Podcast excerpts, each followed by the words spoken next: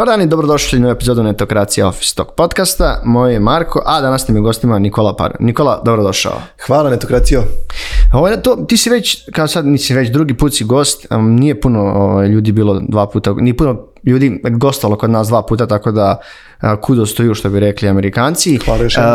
Bio si negdje, sad smo gledali na skoro pre, malo manje od tri godine, to je bila 19. mislim epizoda netokracija Office Talk podcasta, ovo je čisto da znaš 146. ili 145. Tako da je prošlo dosta vremena.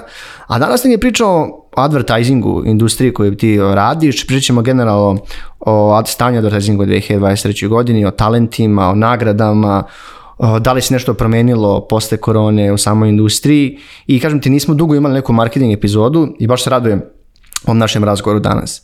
E, hajde negde da krenemo, čisto da se opišeš u par reči, ono, lična karta tvoja, a, gde radiš, kakva je agencija Oveš BBD za ljudi koji ne znaju, čisto onako malo da damo uvod ljudima u samu priču. Mm -hmm, Ja sam završio FPN, nego Aha. Mhm. sam jedan politikolog po struci, da. a radim u Ovationu, evo sad već 8 i po godina, kraj 2014. je bio taj dan kad sam tamo, kad sam tamo ušao prvi put i naravno izgubio se u tim hodnicima zgrade, mm. pošto je ovako malo tipična prvog dana, već drugog nisam. Uh, Ovation inače radi sada već 26. godina u, na našem tržištu, lokalne agencije, dalje sa licencom BBDO, da. koja je e, dakle, svetska mreža advertising agencija, inače istorijski najnagrađivanija. Jedno od top 3 sigurno možemo da kažemo, misliš da je? Jeste, da... jeste, kroz ceo u stvari vek uh mhm. -huh. je bila u, u, u top mrežama na svetu, pa su tako i agencije koje su sa tom licencom kao što je naša ili one koje su baš u vlasništvu BBDO-a, najčešće u top 3 agencije na, na mhm. lokalnim tržištima. Jasno. I naša agencija Ovation se i, kao i većina većih agencija, bavi de facto svime u polju komunikacija. Od analize brenda, tržišne, komunikacione, do postavki uh, e, novih komunikacijonih platformi za različite brendove, bili oni postojeći ili novi, do uh, egzekucija kampanja koje se osmisle kod nas, mm -hmm. produkcije televizijskih, radijskih spotova, uh, out of home komunikacije, digitala naravno. Mm -hmm pa a, a, preko svih tih stvari koje prate jednu kampanju, zaključno i sa medijskim planiranjem, uh mhm. -huh. zakupom, izveštavanjem i tako dalje. Super, znači nisam, nisam znao da radite medijsko, i media buying kod vas? Radimo partnerski media buying, media planning radimo in-house uh mhm. -huh. i produkciju radimo sa partnerima, ali kontrolišemo sve. Dakle, in-house, da. to za, hoću reći za klijente zgodno, jer nema uh pet tačaka kontakata, nego dođe Ovation i završi. A to je najbitnija stvar. Mi, znaš, ono, kao publisheri i kad radimo neku marketing kampanju, to je kod nas, e, to su tekstovi, a, znaš i sam kako nekad komunikacija izgleda. Idem sa PR agencijom, pa sa klijentom, pa onda idem na buying, pa on se vraća i vrlo često jedan začaran krug bude. Jeste, idealno ako imaš ono, jednu tačku kontakta. Mi kada ga radimo, to je jedna tačka da. kontakta. E, na što si pisao, to bi sad rekla integrisane komunikacije, znači radite, ovaj, radite sve, da kažem. E, zašto sam te negde, negde bio pozvao, uh, dobro se prošli na prekodnom, na miksu, e, na Jab Mix nagradama i kao hej, hajde da, um, uključivali smo vas za neke, mislim, kao sagovornike u nekim tekstovima i bilo super, hajde da se ispričamo, da baš pričamo kako je stanje uh, u advertising. Kako bi ti opisao Ako gledaš sad od 2023. ili prethodnu godinu, kako bi opisao stanje i, no, i ako vidiš možda, posle tu već 8 godina, koliko se promenilo tržište, samo naše tržište u Srbiji? Tržište je progresiralo i to mora da se kaže od 2014. do sada ako gledamo taj jedan širi ovako kontinuum. Uh mhm. -huh. Istina je, prethodnih par godina su bile dosta turbulentne uh mhm. -huh. na svetskom nivou, počevši od korona krize, uh, pa kasnije 2021. i ok, povratak, 2022. najveći rat na tlu Europe, uh mhm. -huh. ono, u poslednjih, od drugog svetskog rata, i sve promene koje su u svetskom tržištu donale reperkusije tog, tog mhm. pohoda Rusije na Ukrajinu. Ova godina donekle, donekle prati prethodnu, ali u ovoj godini se, barem na našem tržištu, malo jače, kao i u drugoj polovini prošle, uh, osete prelivanja ekonomske krize na svetskom nivou, pre svega inflatorne. Uh mhm. -huh. Nekako, ne sam to stavio dole, moram pričati, nekako uvek klijenti sa saseku, nažalost, prvo marketing budžete ili ih smanje. Pa naše iskustvo sa našim klijentima i sa našim tržištem jeste takvo da je, da, da to bi trebalo u stvari sad odeliti dve stvari, možda čak i tri. Covid godina mhm. je uh -huh. 2020. kraj 2019. ali 2020.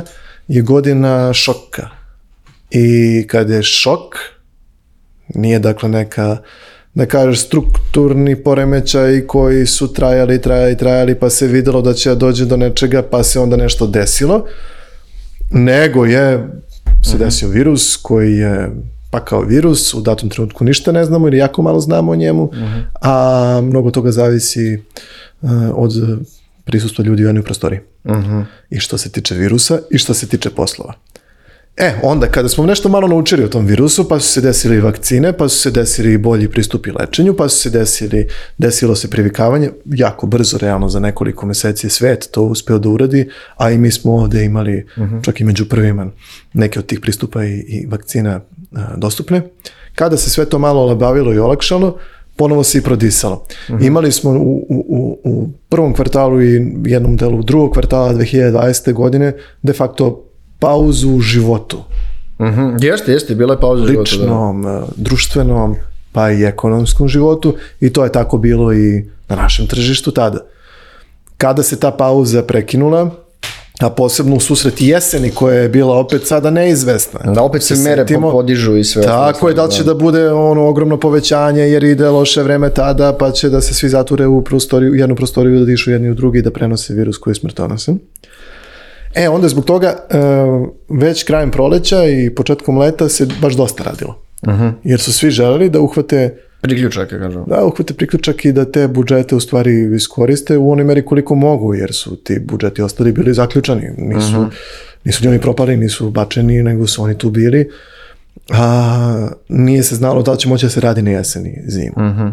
Baš tad kad smo se i videli u stvari kako je sve teklo, virus slabio, mere popuštale i prestalo je ljude, nažalost ili na sreću, da, da bude toliko briga za, za pandemiju. Tako se i tržište oporavljalo. I ti kad pogledaš u 2020. i da, e, poremećena je u stvari bila, e, poremećen je bio tempo iskorišćenja budžeta klijenata, uh mhm. -huh. ali se ona doknadio delom u 2020. a delom u 2021. Uh -huh. koje je funkcionisalo de facto normalno. Pa da, ima smisla da jeste bila normalna. A koliko se generalno misliš da se tr, ono, poslovanje agencija ili način rada morao da, da se promenio od tad, misliš? Nešto, je nešto drugačije od samom radu agencija ili su znači ti odnosi sa klijentima postali možda više onim koji su ostali i koji su postali čvršći? Pa tu treba biti iskren i ići u stvari od slučaja do slučaja. Što se tiče rada u agencijama i uh, generalnog to organizacije mhm. rada, COVID je kao i mnogima doneo u stvari jednu novu informaciju koje do tada možda nismo bili svesni, a to je da svašta može da se uradi od kuće, iz lokala, ne fizički mhm. prisutan, ali da svašta i ne može. Da sam uvijek razmišljao, što prekina, da razmišljao da, no, pogotovo agencije koji su dosta kreativni proces, da je jako teško kad ja sedim na kući, reći, sediš u drugoj i ti kreativni procesi moraju da budu usporeni. Jeste, kad pogledaš od agencije do agencije, uh, drugačije su ljudi reagovali i drugačije su, neke su agencije gotovo odmah morale da vraćaju ljude u kancelarije, jer nisu mogli prosto da rade na taj način. Mi nismo, mi smo uspeli, hvala prethodno dobrim izgrađenim odnosima mm -hmm. unutrašnjim, da se prilagodimo relativno, br ne relativno, gotovo promptno tom novom sistemu. I do dana današnjeg smo u tom smislu hibridni. I možemo da radimo i ako nismo tu zajedno, i možemo da radimo i ako smo tu svi zajedno i ljude koji dolaze novi se nekako prilagođavaju uh mhm. -huh. tom nekom novom sistemu koji definitivno ne izgleda kao februar ili januar 2020. Uh -huh. Kad smo svi bili tu. Da. Znaš što da te pitam, e, ako isto opet pogledamo ove, e, ove e, dve, tri godine i ako pogledamo koronu i, i, i neke same promene, jesu se, jesu se ciljevi kampanja promenili kod klijenata? I znači ono, jer nekako, jer su više bili fokusirani rezultati, jer, se, jer opet je to, pomenuo si te stvarno neke promene koje se dešavaju od korone, pa rata u Ukrajini, koje verujem i, negdje sam i zaboravio, još nisam razmišljao o tome kad sam ovaj, uh, sastavljao pitanja, pa, pa sad opet pričamo o nekoj recesiji, to ćemo kasnije, jer se neke stvari promijenile kod klijenata. Ili to opet individualan pristup? I klijenti, i takođe individualan pristup, naravno i zavisi od industrije do, do industrije. Klijenti se normalno prilagođavaju datom ekonomskom momentu, odnosno projekciji kako će budući kvartal ili buduća polovina godine, godine izgledati. Uh, rade se i dalje i uh mhm. -huh. prodajne i awareness kampanje. Uh mhm. -huh. Ne mogu da kažem da je bilo drastičnih pomeranja u, u smislu odnosa koliko ćemo sada od naših 100 dinara da uložimo u awareness, koliko u prodaj, koliko u nešto, u nešto sedmo. Tu takvih promjena tog tipa nije bilo. Ono što se dešava i što je primetno je da su malo drugačije relacije i da su recimo ti budžeti koji su sada uh, i dalje tu, uh mhm. -huh. da se možda unutar njih malo drugačije razmišlja o, o, o upotrebi i da se optimizuju uh, kanali, tempo komunikacije, fokusi. Pa da se unutar većih sistema koji ima više brendova prave pa i testovi, ali reorganizacije koji brend ove godine malo jače nagaziti, koji malo jače ispromovisati, uh -huh. a svi smo deo istog sistema, ali tako? Da. I tu naravno uvek tema taj, taj digital i rast digitala, on je konstantan od kako sam ja tu, ja se sećam da, da sam... Da, to jeste bilo naredno pitanje. Da. Da, možemo pričamo o tome, pogotovo ako si tu, tu koliko je došlo od te reorganizacije budžeta, digital, vis tradicionalni načini oglašavanja, pogotovo ih 8 godina kad si jesi ti tu. Evo, ja se sećam prvog, pošto sam ja počeo kao medijski planer, i onda sam izložen tim podacima. Sveća se podataka, prvi uh, Media Market Overview koji ja gledam je početak 2015. za 2014. u ukupnom e, budžetu koji su klijenti izdvajali za medije, digital je bio na 2 ili 3%, pričamo od 2014. Danas je on na 25 ili 30%. Da, to je baš veliki skok. Counting. Da. Jeste, jeste. S tim što uvek tu imaš i onu kontratežu, da li tradicionalni mediji propadaju, pa neki malo da, ali neki malo i ne. Mm -hmm. Kad pričamo o budžetima, televizija je dosta stabilna tih svojih 50-55% šera ukupnih budžeta koji se ulažu. A konstantno se pričalo da će kao da umre, da će da je ova linearna televizija, on demand da će da, ali vidiš da se ono, dalje tu prilagođava se upravo. Prilagodit će se i drugo, uh, tržište Srbije je izuzetno to jest narod u Srbiji je izuzetno zakucan za televizore. Uh mhm. -huh. Mi smo tradicionalno u svetskom vrhu po tome koliko se procenjuje da prosečan stanovnik provodi vremena ispred malog ekrana, to jest ispred TV-a, Sada smo nešto, i dalje smo u top 5, ali smo godinama bili na prvom mestu sa 5,5-6 prosečnih sati koje se beleže da čovek provede Sad, naravno, to ne može baš da se kaže da svi ovako zakucano gledaju u TV, ali 5-6 sati dnevno uh mhm. -huh. prosečan stanovnik Srbije e, ima u svom danu da je, da je izložen TV-u. Aha, S tim u da. vidu penetracija TV 99% wow. i dalje ubedljivo najveća. Svi imaju TV koji nema, ima ga u onom domaćinstvu nije neobično da televizije dalje zadržavaju taj, taj Da, dobro, tu imaš te podatke, da. Tih, A osim tih televizije možemo vidjeti možda da se print mediji. Ili, A print je u buri. Da, to je, aha. Print je baš u buri. Uh mhm. -huh. I to se isto ono sećam da kad sam, kad sam dobio, jer mi je to uvek zanimljivo u stvari da poredim koliko se promenilo za relativno kradnoči za manje od decenije. Ti tiraži, ti šarovi, ta čitanost koja je bila desetak posto recimo za neke od uh mhm. -huh. najčitanih, sada je tu na 2-3. Pa da, da pričamo da, da, da, da li to da misliš da je, što su generalno mediji kod nas u Srbiji, pogotovo ti tradicionalni masovni zaista, vidiš kakva je situacija da i e, ne pričamo o tome, da su dosta, na, da kažem, e, i, i, i državni, i da se kakav se sadržaj objavljuje, ili je to jednostavno što je tržište toliko volivelo, e, ono, poraslo i promenilo se da sad, je ljudi su navikli da čitaju online vesti. Ovo drugo je više. Da, da. -hmm. U drugoj više, jer ako merimo da li su sad kao najveći broj print medija jeste prorežimski ili usko povezan sa režimom, pa i taj režim naš kao nešto glasa ga 2-2,5 miliona ljudi ili ga podržava. Da. Ti nemaš te čitanosti, daleko od toga. Mm -hmm. Ti nemaš te tiraže, nemaš nema formalnih podataka, ali malo ko ima preko 100 100.000 tiraš. Da, to je nekad bilo vrlo lagano, a sad više nema nikog. Pa dosta je, da, dosta je nezgodno sad, i u stvari ti kad pogledaš, svi relevantni print časopisi opšteg tipa, postoje specijalizovani koji će uvek imati, ili um, e, nedeljnici politički koji će uvek imati nižu čitanost, ali i koncept im je drugačiji. Specijalizovani časopisi, oni će uvek imati nisku čitanost, i, ali će uvek imati i svoju nišu. Ali ovo, ako pričamo o masovnim print medijima, oni su i, na, i kad pričamo o dnevnicima i o dnevnim novinama i onima koji su nedeljne, dvonedeljne ili mesečne, svi u, u, u, u trajnom padu. Uh mhm. -huh. U trajnom padu I to definitivno je povezano je, sa time što su te vesti stare. Aha, pa jeste, ima i toga pravo. Ti sve već saznao to i sutra da čitaš ujutru. Da, još da pitan pričamo o televiziji, ja pričamo o ovim uh, nacionalnim i kablovskim, je li uh, pogotovo ako pričamo o TV reklama, ali ima velika razlika ako ja objasnim, objavim reklamu, ne znam, kao brend na nacionalnom televiziji ili nekoj uh, kablovskoj televiziji, u smislu... Više struke su razlike u ceni. Da, više struke su razlike u ceni, aha, da. aha ok, što te, te podatke nisam znao, pa te zato... Više struke da. su razlike u ceni, ali ono što kablo recimo dozvoljava uh, jesu, to jest pojedinačni uh, distributeri tog sadržaja paket aranžmane. Mm -hmm. Pa mhm. ti imaš, lupam sad, sportski kanali, vežeš nekoliko i to ti je kampanja u koju možeš da imaš povoljnije uslove dodatno u odnosu na to što su mm -hmm. po mhm. defaultu jeft, mahom jeftiniji nego nacionalne frekvencije.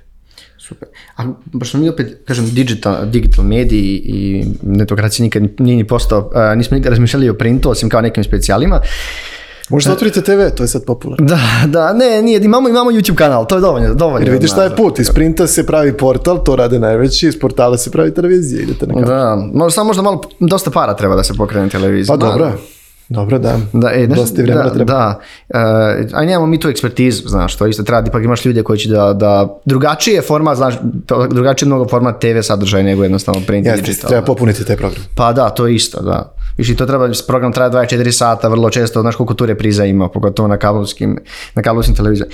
I e, ovde smo bili stavili Zadex, uh, baš smo učili o digitalu i jako je konstantnom rastu i ti si ovaj, sam izjavio i ove godine je poraslo skoro da si tak postao to digitalno oglašavanje i vidimo konstanta rast, kažem digital to oglašavanje ne znam, na, na društvenim mrežama, uh, u svojim privatnim kanalima i sve, i slično, sve na webu, a ono što vidimo jeste da je po tom Eh, ad spendu po glavi, digital, mi smo i dalje u dnu. Znači, valja je prosek za evropsku, evropski prosjek je 115 eh, evra po osobi, dok je u Srbiji samo 12,6. Da, taj podatak sam video da je, da mislim i kod tebe i da postoji, ali ono se vodi za prosjek Evropske unije. Aha. I to su sve države koje su dosta razvijene od uh Srbije u svakom smislu, pa su tako i tržišta razvijenija. ipak razvijenija, bogatija, bogatija i tako dalje. Jer ti kad pogledaš samo uh, a to najbolje zna, uh mhm. -huh. zna o, no, nova estrada koja uh mhm. -huh. plasira svoje pesme Aha. dijaspori, Preko kako se šta da. monetizuje i koliko košta taj view na YouTube u Nemačkoj ili u Francuskoj ili u Švajcarskoj, uh mhm. -huh. a koliko košta u Srbiji, to su te razlike. Da, a, da mislim, a, dobro što ste rekao, dobro piti Hrvatske može malo ispred nas, kod njih je 27 po podacima koje smo dobili, ali kod nas. A šta možemo generalno, da li to sam misliš? Nima, da je... značajno i kad pogledamo i, i, i ulaganja, ali i kreative. Uh mhm. -huh. Kako izgleda hrvatsko tržište, to je to je baš ono klasa ispred nas. Uh mhm. -huh. E, pričat ćemo baš o tome, baš me zanima sad kad je spomenuo oko te kreative. Um, šta mi možemo da uradimo ovaj, da povećamo taj digital ad spend? Da li postoji nešto što ga brendovi ili mediji, agencije mogu da urade ili to ipak zavisi previše od kupovne moći ljudi? Uh, zavisi sve od svega, Aha. kao i sve na tržištu. Tržište će reagovati znaš, na, kad vidi da je jako efikasno oglašavati se jako mnogo odnosno mnogo više nego danas na digitali i uložit će više uh -huh. u mhm. digitalne komunikacije, odnosno digitalni buying. Tu nema previše teorije izvan toga, ono što je možda zanimljivije za praćenje jeste u stvari šerovi spram kanala. Uh mhm. -huh. Ja verujem da, da tu ne ostupamo toliko od Europske unije koliki se budžeti daju na digitalu u odnosu na ostale na ostale kanale. Aha. Jer, je, jer to definiše u stvari povećanje publike na digitalu, a, kupovna moć je kupovna moć i ona će, mislim, da. naš, od, bez obzira na kanal, on će biti tolika kolika jeste. Uh mhm. -huh. I da li će ono, e-commerce raditi bolje ili neće, on će olakšati možda ljudima da te pare potroše online. Uh mhm. -huh. Ali im sigurno neće, znaš, neće im staviti pare u novčanik ili na karticu. Jasno, potpunosti. I još jedno pitanje pre što uđemo za ovo za talente i dole. Uh, pomenuli smo taj odnos uh, klijent agencija i to ti je ono negde kad čuveni odnos, pogotovo što se jedni drugi vrlo često žale, znaš kako u industriji. Šta je neka osnova po tebi, pošto si već već si dugo tu, pogotovo i dalje, kažem, u jednoj agenciji nisi menjao uh, i srađujete s velikim brojem klijenata kao jedna od vodećih agencija u zemlji. Uh, šta ti vidiš da je ključ tog odnosa? Pošto svi Taj odnos jeste drugačije. takav da se, da, se, da se stalno neko nešto žari. Ali mm to je ta jedna divna tenzija. To je dobra tenzija. I to je tenzija iz koje može da nastane jako lepa saradnja, jako lep projekat, jako posvećen rad. Mm Bez te tenzije toga ne bi ni bilo. Jer bi nužno jedna strana bila nezadovoljna, a druga bi bila apsolutno zadovoljna. Ono što je nama kao agenciji u Ovationu važno jeste da ti odnosi koji radimo s klijentima zaista budu dugoročni. Uh -huh. I da, i kad su sami projekti kratkoročni, ako radimo nešto to per project, ne na ugovor, i ako radimo nešto što je side project, ne noseća Vredno kampanja, da. tako je, noseća kampanja na, na, na, na tom brendu ili na tom klijentu, pokušavamo, trudimo se i gledamo čak i mi da malo animiramo klijente da budemo usmereni na dugoročnu saradnju. Da, ali kaj kažeš... Makar to je imalo i neku svoju cenu na kratki rok, uh mhm. -huh. jer je to je ovaj pristup Ne da. mora da bude tako. I na, neke agencije imaju malo drugačije pristupe. Ne. Da. Naš je takav i naš je, naš je takav, evo, koliko ja radim u toj agenciji, a i duže od toga i po tome nas manje više klijenti i znaju. Uh mhm. -huh.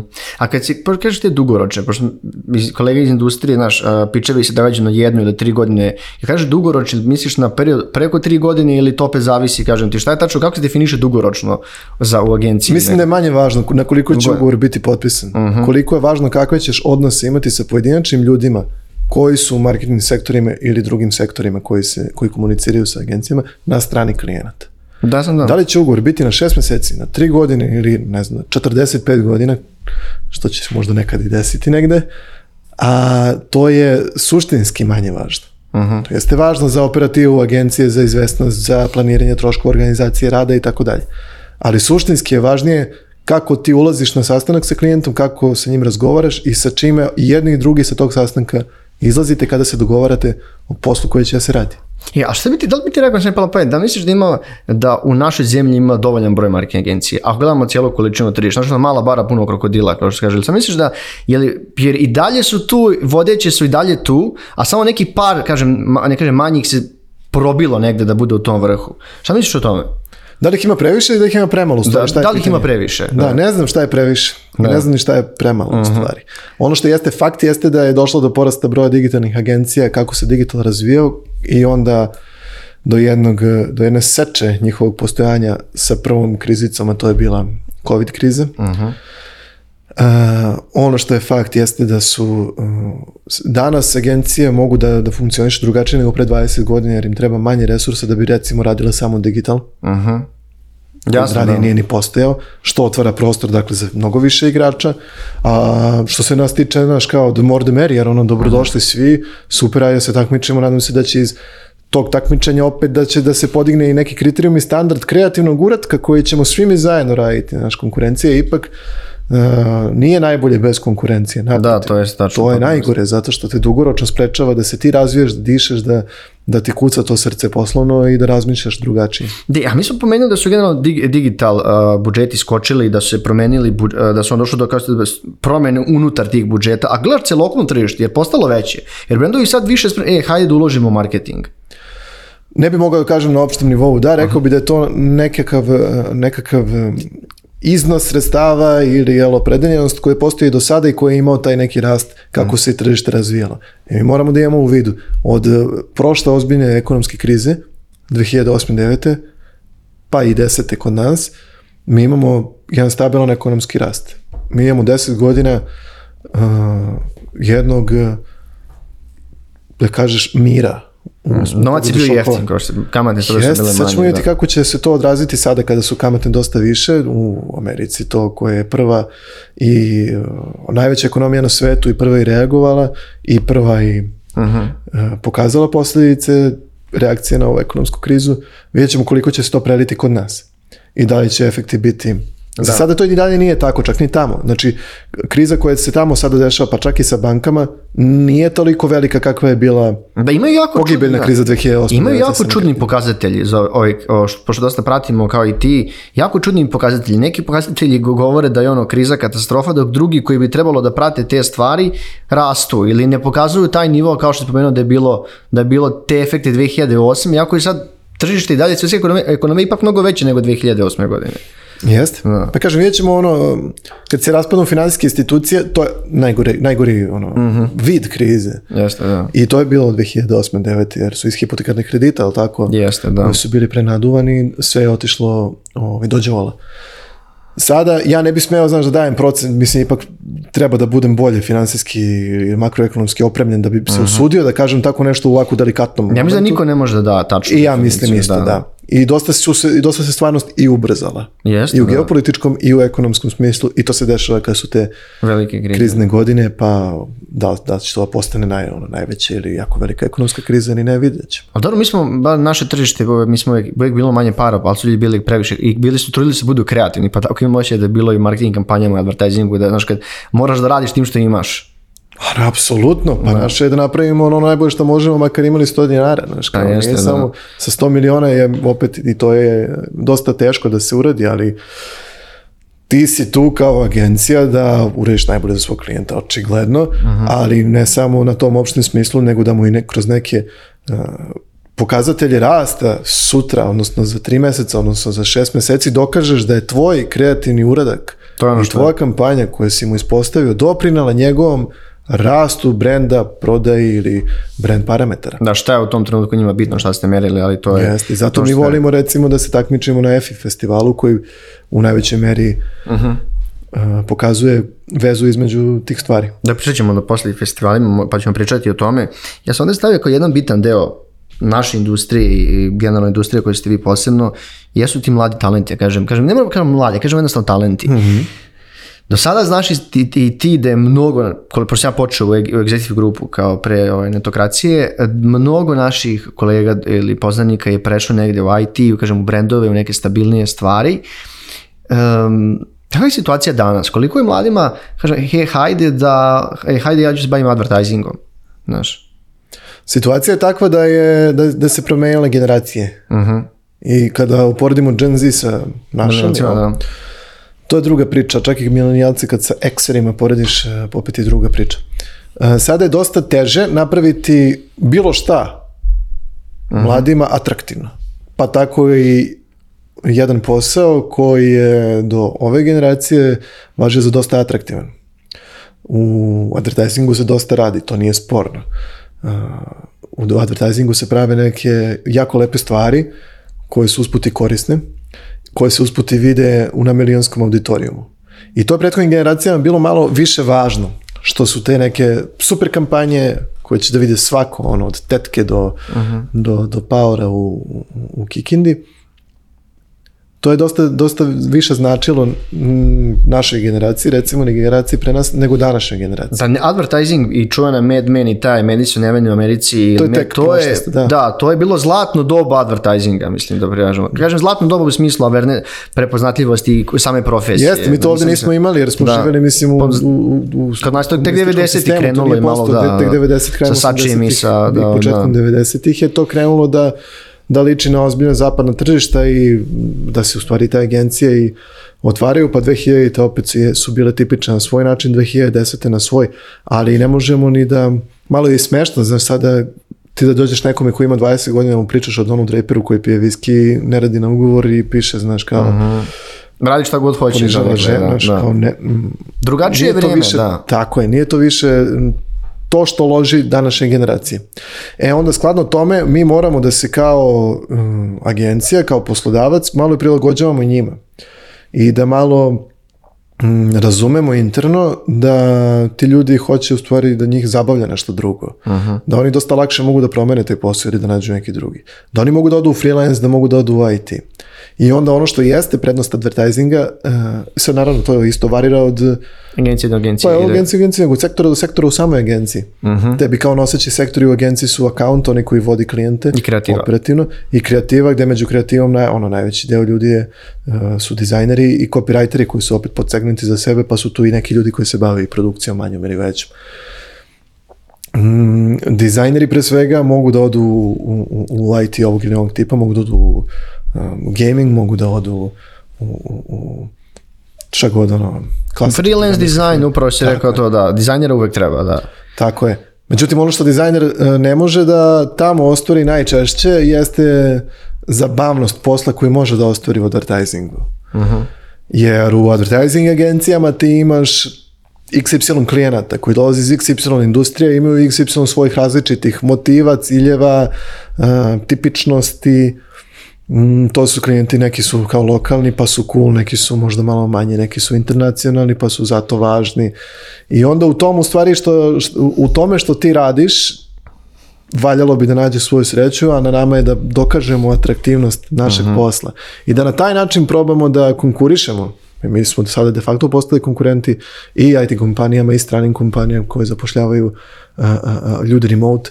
Aha. Mhm i da kroz rad u advertising agenciji u našem slučaju težimo tome da ljudi ostaju duže, da nemamo velike fluktuacije, nas je više od pola preko 10 godina u, u agenciji. To je dosta za jednu marketing agenciju, da budemo zaista iskreni. Da.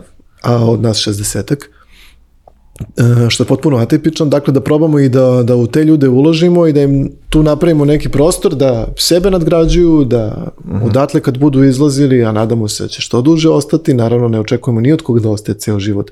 Ne, ne, nije, da da. 70. Da. godine u Jugoslaviji, nego da e, e, e, kod nas uzme ta znanja, primeni ta znanja, u odnosima s klijentom, da, maksimum koji može istrpi sve ovo, jer o tome isto treba otvoreno da se kaže, znači, postoji taj element pritiska koji je dosta jak onda kada si servis, kada si agencija. Jeste, to je apsolutno tačno. I ne, ali, je, da. ali je magija u tome da ti u takvom ambijentu ojačaš lično, jer tebi dolazi ljudi koji izlaze sa faksa, na primjer, a odatle ti recimo izađe posle 10 godina kao ostvaren čovek, znači tebi se četiri života promenilo, šta ćeš ti u tih 10 godina da uradiš i dalje ćeš sebe opremiti veštinama koje su mhm. važne, veštinama komunikacije sa ljudima, interne organizacije tima, kako se postaviti prema različitim situacijama sa ovim ili onim klijentom, kako tretiraš ovaj ili onaj problem. Ti kod nas imaš prostor da se pokažeš. Da li misliš da, ok, sad generalno, Uh, što si, si pomenuo, to nije samo u agenciji, nego način vođenja kompanije, na, kulture, vođenja firme, resursa, kadrova i slično. Ali misliš da, da smo možda imali minus u advertising tržištu vođenju kompanije, da možda ljudi nisu razmišljali, nisu bili dovoljno. Ja, ja imam ono ošće što je IT doneo tržištu, da ti terate da budeš bolji kao poslodavac. Uh, Jer i ne, dosta praksi je uzeto sa zapada i veliki branši klijenata, to su neke zaista cool benefiti uslovi kako da zadrže svoje zaposlene. Da misliš da možda i, da i to isto manjkalo, neki prethodni godine na advertisingu, jer je baš je bilo, baš je bila fluktuacija ljudi, znači sam možda se, možda se sad malo smanjila i takođe da li po, generalno ako pričamo plati uvijek je, i, i to isto kao jedan bitan faktor, da li vidiš da možda se smanji taj gap? između nekih ono, adver, advertising IT kompanije, da kažem. Treba imati u vidu da to kako uh, IT mm -hmm. na svetskom nivou, pa i kod nas, ali malo sad vidimo da je tu počinca. Jeste, upravo to sa vidimo. Sa da. masovnim da. otpuštanjima i nema više ono, igramo se ping ponga i snimamo. Vrlo verovatno da. neće biti, jeste. To I verovatno da. će se tu dosta promeniti, ali to je uh, e, uzrokovano uh, e, zbog nekoliko stvari. Prvo je rast, generalno, uh mhm. -huh. ekonomski, uh, Drugo je broj kompanija koje su nastajale, uključujući i startupe u koje se odjednom i ni čega, osim mm. dobre ideje, sliju milioni. To je, to je apsolutno. Znači taj hype koji je, mislim hype, kažem balon, gde si ti do, dobar dan, dobar dan, evo pare. Da. To nije bilo ekonomski opravdano i to vidimo sad. Pa mislim, ako ti već je ceo koncept, ono naš jedan u sto ili šta god će ti preživeti, onda da. ono, dosta je jasno, pa ko ulaže, nek ulaže, ali jeste de facto neka vrsta balona. I to sve kad ukrstiš sa ipak ograničenim brojem ljudi koje ti možeš da uposliš, jer uh mhm. -huh. ne možeš ni ti ono, milijardu ljudi da uposliš u IT-u, to znači da nastaje jedna lepa tuča između poslodavaca, lepa za, u korist e, zaposlenih, kako ćeš da privučeš kojim sve benefitima, kojim sve uslovima, kojim sve platama uh mhm. -huh. da ti rade kod tebe. E sad, pošto naše tržište nije to i mi prosto nismo jer IT je specifičan svoj način i dalje je uslovno rečeno nov uh mhm. -huh. i dalje su ti rastovi ne, neuporedivi sa gotovo svim industrijama u svetu. I, to kod nas još dramatičnija razlika imamo. Da, da. da. Ovaj, onda mi ne možemo na taj način uopšte da, da, da, da, da, da stanemo uh mhm. -huh. i da se postavimo prema budućim zaposlenim, jer nije fair i nije održivo. Da, nije da. održivo prema tvojoj agenciji, tvojoj kompaniji. Glupo je u krajnju ruku. Da. Ako sebe opteretiš uslovima koje ne možeš realno da ispratiš, uslovima za, za svoje zaposlene, ti si ukanalio ne samo ostale zaposlene, nego si ukanalio svoje poslovanje. To da, je upravo To, da. I okay, ovaj hype će trajati još neko vreme sa ITM, kao i sve, to će upravo. doći do nekog nivoa. Pa to su ciklične stvari, industrije, upravo to, da. da. da. Tako da kažem, ono, mi možda ne možemo da ponudimo mm, ne znam ja, ono, koje, uh -huh. senzori, rooms i ostalo, uh -huh. ali možemo da ponudimo neke druge stvari, možemo za, za, za, za razliku od freelansa da ponudimo tu taj nivo izvestnosti, ako pričamo o ugovorima za stalno, to nije preatraktivno naravno mladima, ali opet moramo da. i o tome da pričamo. Da, više, da. Tako da, da, naravno, trude se svako da, da učini maksimum što može kao firma na tom nekom institucionalnom nivou da ti bude lepo, udobno, I da Ali da drugačije su da neke fino. stvari, agencije ti ipak i druga, drugačiji ti posla, imaš neke druge stvari koje te raduju. Mislim, nije na kraju, ok, koliko god bilo, kad dođeš do nekog, nekog nije sve u parama i vrlo često moraš da ti ispunjava. Ako ti posao ne ispunjava plus, plus a, a, onda imamo taj burnout. Ako ti to ne ispunjava, vrlo često ideš jednostavno. I fer je da neke i ne ispunjava, čak i kad je znaš sve u redu. Pa da, fair, da, jeste. Nije da. se, znaš, kao nije za to kovan. Da. To je e, a, pošto generalno jesmo... Bili... Imali smo, izvini, imali okay. smo, ja možda čak i kod vas bio neko, ali sećam se da je bio neki komentar iz IT Indija eh, je čovek došao i onda bio kao u fazonu, naše dečko, zaboravio sam ko je potpuno. Mm -hmm. Bio je ovaj, u, u, stava da je kao sve super to kao IT, mega plate, mm -hmm. mega uslovi i tako dalje, ali ti nemaš, ti si radilica koje do 40. se sprži i ti ne možeš da gledaš. E, ja sam nešto. to slušao, to je bio kod vlade, bio je neki e, Kovača, da, ja sam, ja sam e, to slušao i mogu ti reći da sam čuo taj komentar kao ovo je jako dobro rečeno. Da, jer, pa ta, to se ne vidi. jer ti radiš tu 8-9 sati po ceo dan, to je umni rad koji je dugoročno vrlo često ubijate polako, ali ti možda ne vidiš. Ali ne stvaraš ništa novo. Jeste, upravo radiš to. po starim šemama koje dobiješ. Pa jeste. I onda ti po... mozak, ti, ti si kao da radiš na traci, ali čak nemaš ni fizičke pokrete nego si Pogotovo to. što se dosta outsource tržišta. Ti nemaš mm. proizvod koji napređuješ ili da radite nekoj iteraciji, nego neke, neke stvari koje su, ono, kažem, copy-paste. I još ovo pitanje za talenta, ako pričamo baš o kreativi, talentima u kreativi, ne o accountima, uh, Uh, koliko je teško naći dobre kreativce kod nas? Uvek je teško naći dobre kreativce svuda. Da, nije znači samo kod nas, je globalni problem misliš da je. Uvijek je teško naći dobre kreativce zato što kreativa mora da bude uh, na, na, na braniku trendova. Uh-huh. Na, na frontu trendova osim da bude talent, da bude veš, da bude i tako dalje. Znači mora i da prati sve ostalo da, da, bude tu. Da... Moralo bi da prati, posebno se razvojem digitala. Naš. Uh -huh. Mi mhm. pokušavamo recimo ljude koje, koje angažujemo da i zapravo osim one koji moraju da budu tipski orijentisani na jedan tip posla, uh mhm. -huh da ih e, pozicioniramo na pozicije koje su malo sve stranije. Uh mhm. -huh. Pa ako si copywriter, da ne budeš samo copywriter, nego budeš malo i digital ono, creator na neki način. Da, sudno se slažem. Da imaš si malo... strateg, da budeš malo i mm, biznis analitičar, ne samo strateg. Da, slažem s tobom. Mislim da je to način za razvoj poslovanja. Ja sam završio ekonomski radim biznis, ali radim sve i svašta. Vodim podcast, eh, pomažem oko redakcije, vodim klijente, strategiju. Mnogo više stvari jer daj mi ja pristup da... Kafu, evo, ja sam dobio kafu. Da, ha, da, znaš, daj mi pristup, pa i to isto. Ni, Mi, mi se opet, mi smo bili mali tim, eh, kad smo krenuli, ti radiš dosta stvari, na taj način napreduješ u širinu. Znači, meni je to isto bitno. Ne volim da budem eh, uh, nužno specijalista, volim da ipak mogu da radim više stvari. Yes, da I to volimo da. isto kao benefit posla, kažem, na, kod nas je setting takav, nije tako svuda.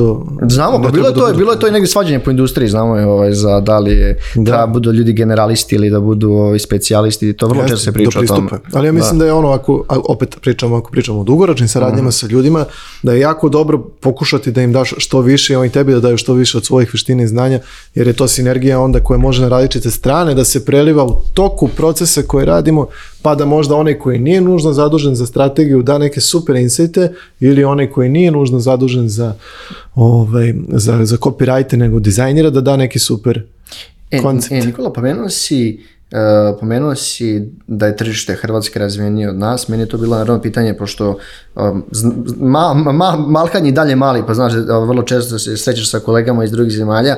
Ako gledamo tržište, ajde se fokusiramo neke Balkan i ne znam, Sloveniju, Grčku, Hrvatsku, um, neke zemlje koje su blizu nama tu, kolika je razlika u tržištu? Uvijek je negde, oko mi oko, pošto kažem ti netokracija bila je u Sloveniji, u Hrvatskoj i Srbiji, uvijek su nekako Slovenci po nagradama nekako bili ispred kreative. Hajde malo pričamo o tome. Ti si malo pre pomenuo o tome. Ajde, čaj, daj nam čisto još uvid oko toga. Kao u politici, kao u ekonomiji generalno, kao u razvoju ono, infrastrukture, tako je isto i kod nas na tržištu. Uh mhm. -huh. To se znači, da, prati, znači, Slovenija znači, i da. Hrvatska, da. ako pričamo o zemljama bivše Jugoslavije, Slovenija i Hrvatska su za klasu ispred Srbije, koja je za klasu ispred ostalih uh mhm. -huh tržišta, da ne kažem država. Može tako, da. da. A, a šta, a misliš, da li je to... Rumunija je interesantna, Rumunija da, je interesantna okay. zato što jako se puno radi, dobro se radi, opet i generalno, ali Aha. i u mhm. advertisingu. I, da njihovi IT isto miljama ispred nas. Tako je, da. tako je. I njihovo gore pomenuto startup tržište je bilo isto dosta jače u smislu ovaplaćenih startupa. Mhm. Uh, -huh. uh ali to prati njihov rast GDP-a koji je da, jako dobar u prethodnih 20 godina, posebno kad su ušli u Europsku uniju, oni su se potpuno reformisali u tom smislu i veće tržište. Da, dosta veće tržište. miliona ljudi, znači kao da. cela Jugoslavija bivša. To je Rumunija. Tako je, to je Rumunija. Da. A kad bi, a čisto ako pregledamo advertising industriju, šta misliš da kolega u Hrvatskoj rade, kažem, ne kažem bolje nego drugačije od nas, uslovno? Jel ima nešto da bi moglo da se izdvoji uopšte? Ili ono što si pomenuo malo pre, da to ipak set više faktora. Set cijel. više faktora. Aha. Set je više faktora, razvijenije, zrelije je tržište i u, u smislu odnosa prema projektima i u smislu organizacije. Veći su budžeti, realno su uzbiljni, malo, i, malo su uzbiljni i klijenti su više prisutni ovi iz Europske unije nego kod nas. Uh -huh. um, drugačije se malo i radi, malo ima i do ne volim da koristim uh mhm. -huh. mentalitet, ali upotrebit ću mentalitet i generalno odnosa prema poslu i to sve u kombinaciji daje tu jedan, jedan korak ispred u odnosu na Srbiju, iako su mnogo čemu, mislim, Hrvatska i nije toliko, da. toliko da. ispred Srbije. Mi smo malo pričali smo da ovaj, o usporavanju ekonomije i generalno šta se dešava u US, ili su klijenti negde čisto ovako u razgovoru, jesu, po, on, priča se da smo recesi, neko kaže da jesmo, neko kaže da nismo, inflacija je zaista skočila, jer klijenti kažu kao, e, ipak ono, moramo, ne znam, da malo da vidimo šta se dešava, ili su krenuli polako da usporavaju budžete ili i dalje to sve ide, ide polako. Češće se dešava da se malo smanji scope, Aha. a budžet ne padne. Pa dobro, to je, to je onda okej. Okay. To je onda, pa mislim da to je slično. Aha. Da. To je slično ili budžet ono, proporcionalno padne. Jer kažem, imaš taj veliki utjecaj i to sad varira od industrije do industrije. Primjer, bankarska industrija kod nas je u, u ogromnim šokovima već godinama zato što se ukrupnjuje. Da, to je to jeste, to je apsolutno tačno. Vidiš to ukrupnjavanje tržišta na kraju koliko je jednom trenutku bilo 27 ili 32 banke, tako, tako nešto, nešto, da. Tako nešto, sad mislim da je već ispod 20. Da. Slagaću. E, na sve to imaš činjenicu koja je opet prelivanje sa svetskog tržišta, da rastu kamatne stope, da ima manje investicije, da ima manje keša opticaju i to sve ono zatvara i bankama prostor za delanje. Pa je to da. sad recimo u toj industriji tako. Uh mhm. -huh. U nekoj drugoj, ne znam, u robi široke potrošnje, Mhm, manje ili više nema tolikih promena I, Jeste, da. Oni su imali dosta jake godine, tokom korona godine su ljudi ipak malo kupovali sve slične stvari, ali ćemo da vidimo. Ja, ja sam da isto pomislio da će oni da eksplodiraju tada recimo, uh mhm. -huh. ili bar da imaju neki značajan rast, međutim i oni su bili usporili, ali manje zbog toga nego više zbog toga što su njihovi troškovi porasli. Jeste, Zbog jeste. logistike, transporta, distribucije. Povećali pa su plate zaposlenima, isto morali su da, da prate te Tako je, da, da, pa čak i kako smo mi kupovali jedan čipsi ili klipsi više, uh mhm. -huh ne mora da znači da su stvarno proizvođači bili u u, ono, da, da mi lepo legla ta kriza. Ni jedna kriza neće nikome neće, lepo, jest, lepo leći. Da, ali, znaš kako, to je opet, te krize su sastavni deo ekonomije. Samo pitanje kako ćemo da se nosimo s njima. Kao, ma lagano je, verovatno neće biti tako, ali to sve zavisi opet od industrije do pojedinca, ali ne možemo baš da se njima da se ništa ne dešava, vidi šta se dešava oko. Pitanje doći kod nas, a onda uvijek moramo da smanjimo te udarce koje ćeš da imaš na, na svoju kompaniju. E, negdje je bio povod kad smo zvali, hajde malo pričamo o nagradama, ti spomenuo EFI nagrade, hajde malo pričamo o nagradama. Zaista u prethodni par godina ste dobili, imali ste neke jako uspešne kampanje, um, Šta je, šta znači, šta znači nagrade za agenciju? Da li je to ono kao, e, radili smo nešto dobro ili ipak prilika da možda nađemo nove klijente? Kako agencije gledaju nagrade? Uh, naša agencija i mi u Ovationu na nagrade gledamo kao potvrdu da smo uradili nešto dobro. Uh mhm. -huh. Posljedica toga bit će i da smo atraktivni pred klijentom, bit će i da smo atraktivni pred javnosti, bit će i to da, su, da ovdje sada danas razgovaramo o tome, uh, bit će svašta posledica toga, ali ključni motivator nam jeste da izložimo i širem tržištu, a ne samo klijentu, kreativni uredak, pokažemo šta smo u njima uradili i dobili i kažemo super, znaš, mm -hmm. da, mhm. da budemo zbog toga ponosni u najmanju ruku ako ne i presrećni. Ja sam uvek srećan jako kad dobijemo nagradu, mnogo mi znači lično, nama znači i profesionalno, rado se pohvalimo, tu se stvara dobra hemija dodatna sa klijentom jer je to ipak zajednički rad, Pjesno, nije to da. samo agencijska nagrada, to je uvek i, i klijentska nagrada. U dinamici agencija klijent nastaje svaka kampanja. Nije uvek, agencija će plasirati koncept, ali realno je to uh zajednički radi jedne i druge strane, pa nekad i treće strane. Uh mhm. -huh. Sad smo završili miks, da, sa ono, istorijskim uspehom, četiri nagrade i sedam finala od ono 8 9 prijavljenih projekata izuzetno smo zadovoljni zbog toga i rado se i pohvalimo time. Mm -hmm. Usput su To su nagrade bile za, za, za Marbo klijente, uh, e, Chipsi i Klipsi, dakle pričamo o velikim klijentima koji su uh, ne samo digitalno orijentisani naprotiv, tu je nagrada bila za Stark, još jedan ogroman klijent koji je ne samo digitalno orijentisan, naprotiv, i tu je izuzetno draga i na posebnim, posebnom nivou nadraž, najdraža nagrada za projekat UNICEF-a, uh mhm. -huh. koji se bavi depresijom i anksioznošću, koji smo nazvali i vozili pod parolom kako si, ali stvarno. Uh mhm. -huh. I eto, desilo se da smo baš ono, tu nagradu na miksu za taj projekat dobili u ovom periodu, da, kada, da, jer mnoge potrebno pitati kako si. Ali A to je dobra stvar, snažio sam se. Dobra stvar kada radiš marketing agencijama što možda radiš na nekim kampanjama da stvarno pomogneš nekom. Jest. Ja sam pre neki dan, pri, ok, šta je tačno fokus posla koji ti radiš. Zaista je, zaista je drugačije kad možeš da pomogneš nekom na kraju i da vidiš rezultat tvog rada nešto nekom promijenio. Ne, mi smo prodali ovo, ne, kad, ako možeš da pomogneš nekom, to je zaista najveći plus što možeš da dobiješ. Jeste, moj problem, ono, početna pozicija uvijek, jer sam ja tržišni entuzijast, entuzijasta, jeste da je činjenica da ti radiš, stvaraš profit, zapošljavaš ljude, ti si pomogao ljudima. Mm -hmm. Svojima, onima koji su ti u lancu, saradnika, snabdevača, partnera i tako dalje I to je već tako, ali većina ljudi to i ne doživljava na taj način što je i fair i normalno, jel? Uh-huh. Onda kada možeš da na ovaj dodatni način pomogneš nekome kome nisi morao ili nisi, uh, nije bio deo dogovora, uh ugovora, para ili bilo čega, e to onda nosi posebnu težinu.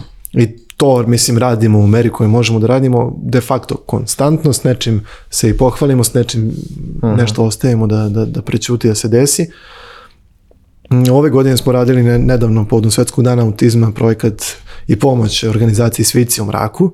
To je isto jedan jako, jako ovaj, drag projekat zbog toga, iako je naravno bio probona, zbog toga što je cilj njihove organizacije jeste da se napravi, osim ostalog i nega, za ljude koji su ostali bez staratelja i imaju autizam. -hmm. I to je sad pitanje, znaš, kao kad ćeš ti o tome da pričaš, kad ćeš ti ima, ko će njima da, da se bavi ko će se pozabaviti. I da razmišljaš uopšte o tome. Još oni imaju sreću pa ih vodi glumac e, Mikica Petronijević, pa mm -hmm. on još negde i dođe. Da. E, ako možemo takvim ljudima i takvim projektima, ugroženima, uh, uh, projektima koji se bave mentalnim zdravljem, ženskim pravima, LGBT, neko, nekome kome je zaista pomoć potreba, nema budžete da se prosto njima, -huh. Mhm.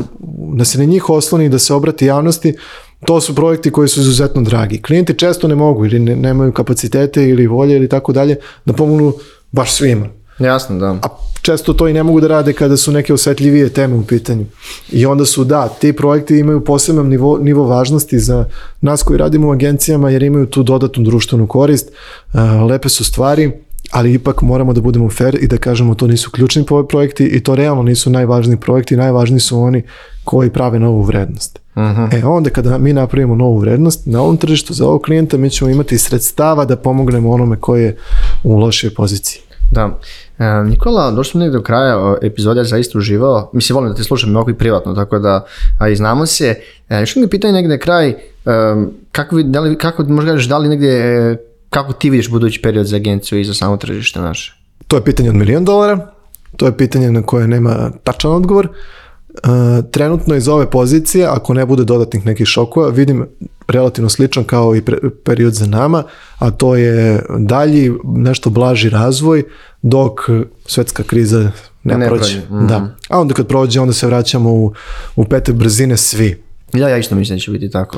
Ja se isto nadam i da posebno se nadam da neće biti dodatnih šokova, jer eh, da. ako gledam iz, ono, iz naše advertajske perspektive, advertiser i čovek koji se bavi komunikacijama generalno, obožava zapravo da radi eh, široke projekte, integrisane kampanje koje mogu da se razliju na što više kanala.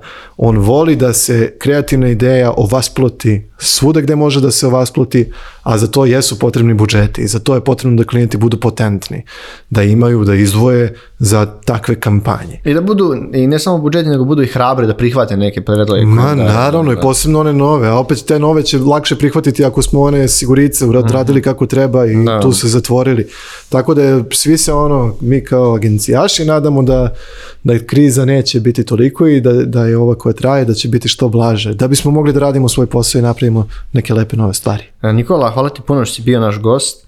A, još jednom svima nama koji ste slušali, hvala što ste ostali do kraja epizode Netokracija Office Talks podcast. Možete pratiti na svim kažem, većim streaming platformama poput Deezera, Spotify, Apple podcasta, a naravno možete nas gledati na YouTube kanalu Netokracija. Hvala puno i vidimo se u nekim narednim epizodama.